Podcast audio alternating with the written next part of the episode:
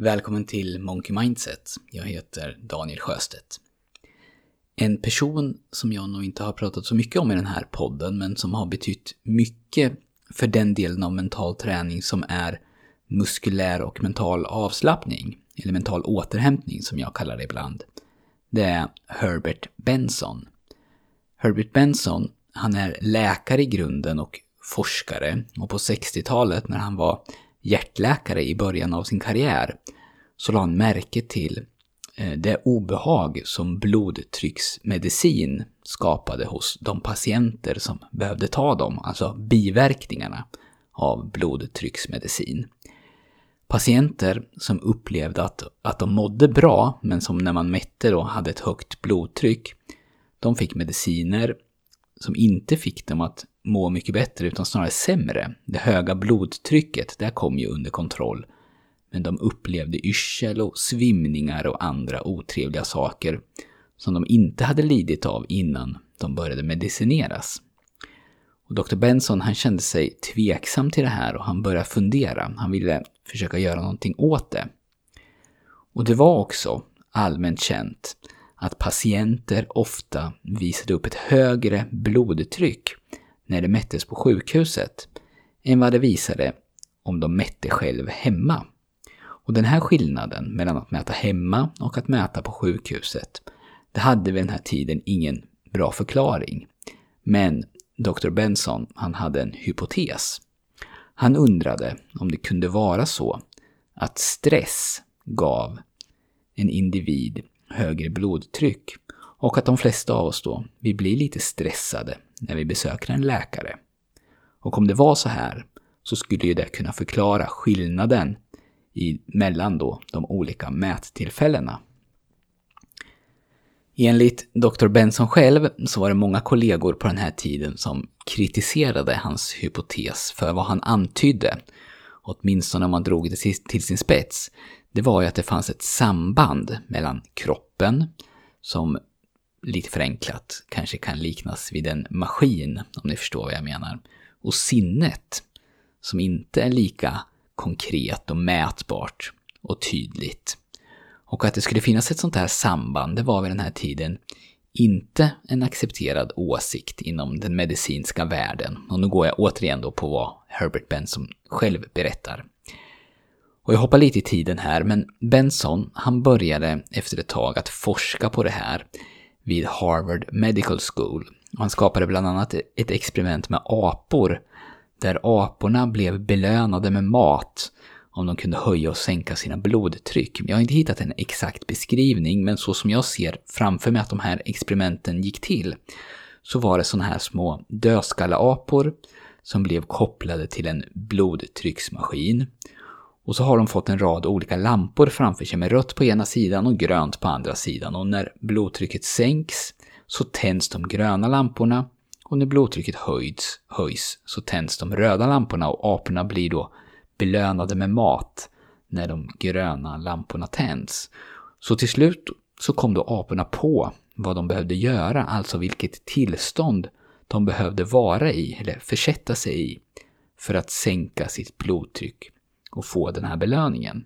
Så Herbert Bensons team kunde visa att blodtryck faktiskt kunde styras med tankens kraft, åtminstone till viss del. Och han publicerade sina resultat 1969 i American Journal of Physiology.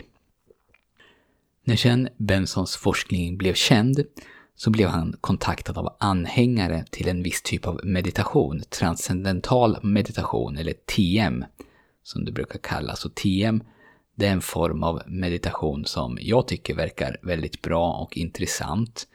Eh, och samtidigt har ganska hårda förhållningsregler. TM grundades av Maharashi Mahesh Yogi på 50-talet.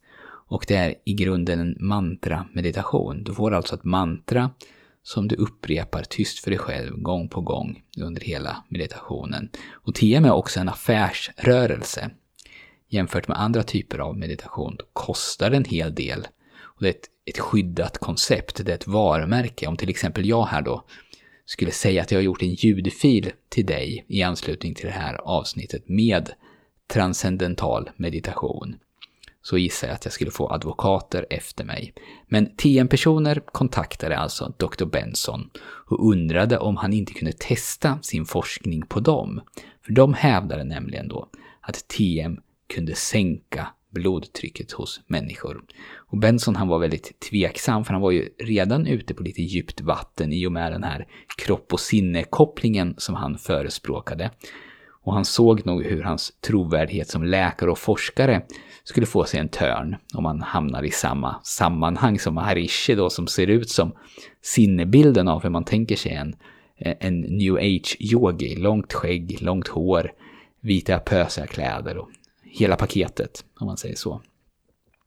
Och när Beatles var i sin Indien-period så var det ju för övrigt hos Maharishi som de var. Så TM var alltså inte någonting helt okänt utan det var vid den här tiden ganska så hett. Och efter lite övertalning så bestämde sig Benson för att använda TM-meditatörer i sina studier. Han gjorde det lite i hemlighet och efter ett tag så fick han reda på att det också gjordes andra studier i USA på samma grupp, också lite under radarn. Så de började samarbeta och resultaten de såg var otvetydiga. Meditation sänkte inte bara blodtrycket, utan det påverkade andning, hjärta och ämnesomsättning, bland annat, på ett positivt sätt. Men, och det här tycker jag är viktigt att veta, skillnaden blev inte omedelbar. Det märktes alltså inte särskilt mycket skillnad på någon före och efter ett meditationspass, utan det var någonting som hände mer på sikt. Precis på samma sätt som kondition, som jag ju har jämfört med mental träning med tidigare. Och nu hoppar jag lite i tiden igen, men Benson han märkte ganska snart att det inte var specifikt för TM att få de här resultaten, utan vad det handlade om, det var egentligen bara att lära kroppen och sinnet att slappna av. Och det här kunde uppnås på många olika sätt. Yoga till exempel, qigong, mindfulness, eh, mindfulla promenader eller att gå helt upp i sin stickning till exempel. Det är olika exempel som, som han ger. Men det enklaste och säkraste sättet det är ändå att hitta någon typ av ritual eller liknande som man kan upprepa gång på gång och vara någorlunda säker på. Och trots att de första upptäckterna från Benson gjordes på 60-talet så har han forskat vidare på det här och även om han fortfarande står fast vid att många olika metoder kan användas så rekommenderar han och lär ut en metod som är, eh, den är nästan identisk med det som vi gör i våra ljudfiler, alltså mental och muskulär avslappning. Och det verkar vara det enklaste och det som ger bäst resultat. Och Benson, han kallar det här för, glömde jag säga, för The Relaxation Response, ett samlingsnamn. Alltså det här tillståndet. Och det blev också titeln på den bok som kom i mitten av 70-talet som berättade det här och som blev en stor bästsäljare. Så att bara göra det här, meditera eller lyssna på mina ljudfiler eller något annat av det jag har nämnt, det har väldigt många positiva effekter, inte bara på sinnet utan även på kroppen. Och i sina böcker så hävdar Benson att det hjälper mot otroligt mycket. Listan han ger är väldigt lång. Och om det är så eller ej, det låter jag vara osagt, men det gör stor positiv skillnad i många olika avseenden. Inte minst upplevd stress och allmänt välbefinnande, det är jag helt övertygad om. Och i slutet av det här avsnittet så berättar jag hur du kan komma igång och testa själv om du är intresserad. Och mycket av det jag har berättat hittills, det kommer just från boken The Relaxation Response. Den finns tyvärr inte på svenska, men för den som är intresserad av ämnet så kan jag verkligen rekommendera den. Så, om det här nu är så jäkla bra, varför gör inte alla det? Och varför är inte Lars-Erik Unestål, som, som är den som har gjort mycket av det här motsvarande jobbet i Sverige, mer känd och hyllad än vad han är? Vissa av de här metoderna, meditation och yoga till exempel, de kräver ju lite. Meditation, det är, det är svårt. Det är i alla fall svårt att få det gjort. Det finns ett motstånd. För de flesta av oss tror jag att sätta sig ner och meditera i 20 minuter, dag efter dag. Att slappna av och spacea ut till mina eller Uneståls eller någon annans ljudfiler, det är inte svårt. Det kräver väldigt lite. Det svåra där, det är ju att ta, ta sig tiden till att göra det, att hitta öppningar i dagen. Så dels så tror jag att det är den här tröskeln, att bara göra det. Men jag tror också att det för många av oss är ovant och lite skrämmande att ta kommandot över vår egen hälsa. Inte medvetet, det tror jag inte, utan av vana eller tradition. Vi vill att någon ska säga till oss, eller att någon ger oss ett recept. Då är vi på någon nivå safe. Om det inte funkar som vi vill, då känns det bättre. Det känns bättre om ansvaret ligger hos någon annan. Och det tredje, det finns säkert fler skäl än så, men det tredje, det tror jag är lite av det här som Dr. Benson upplevde när TM-människorna kom och ville att han skulle ta med dem i sina experiment.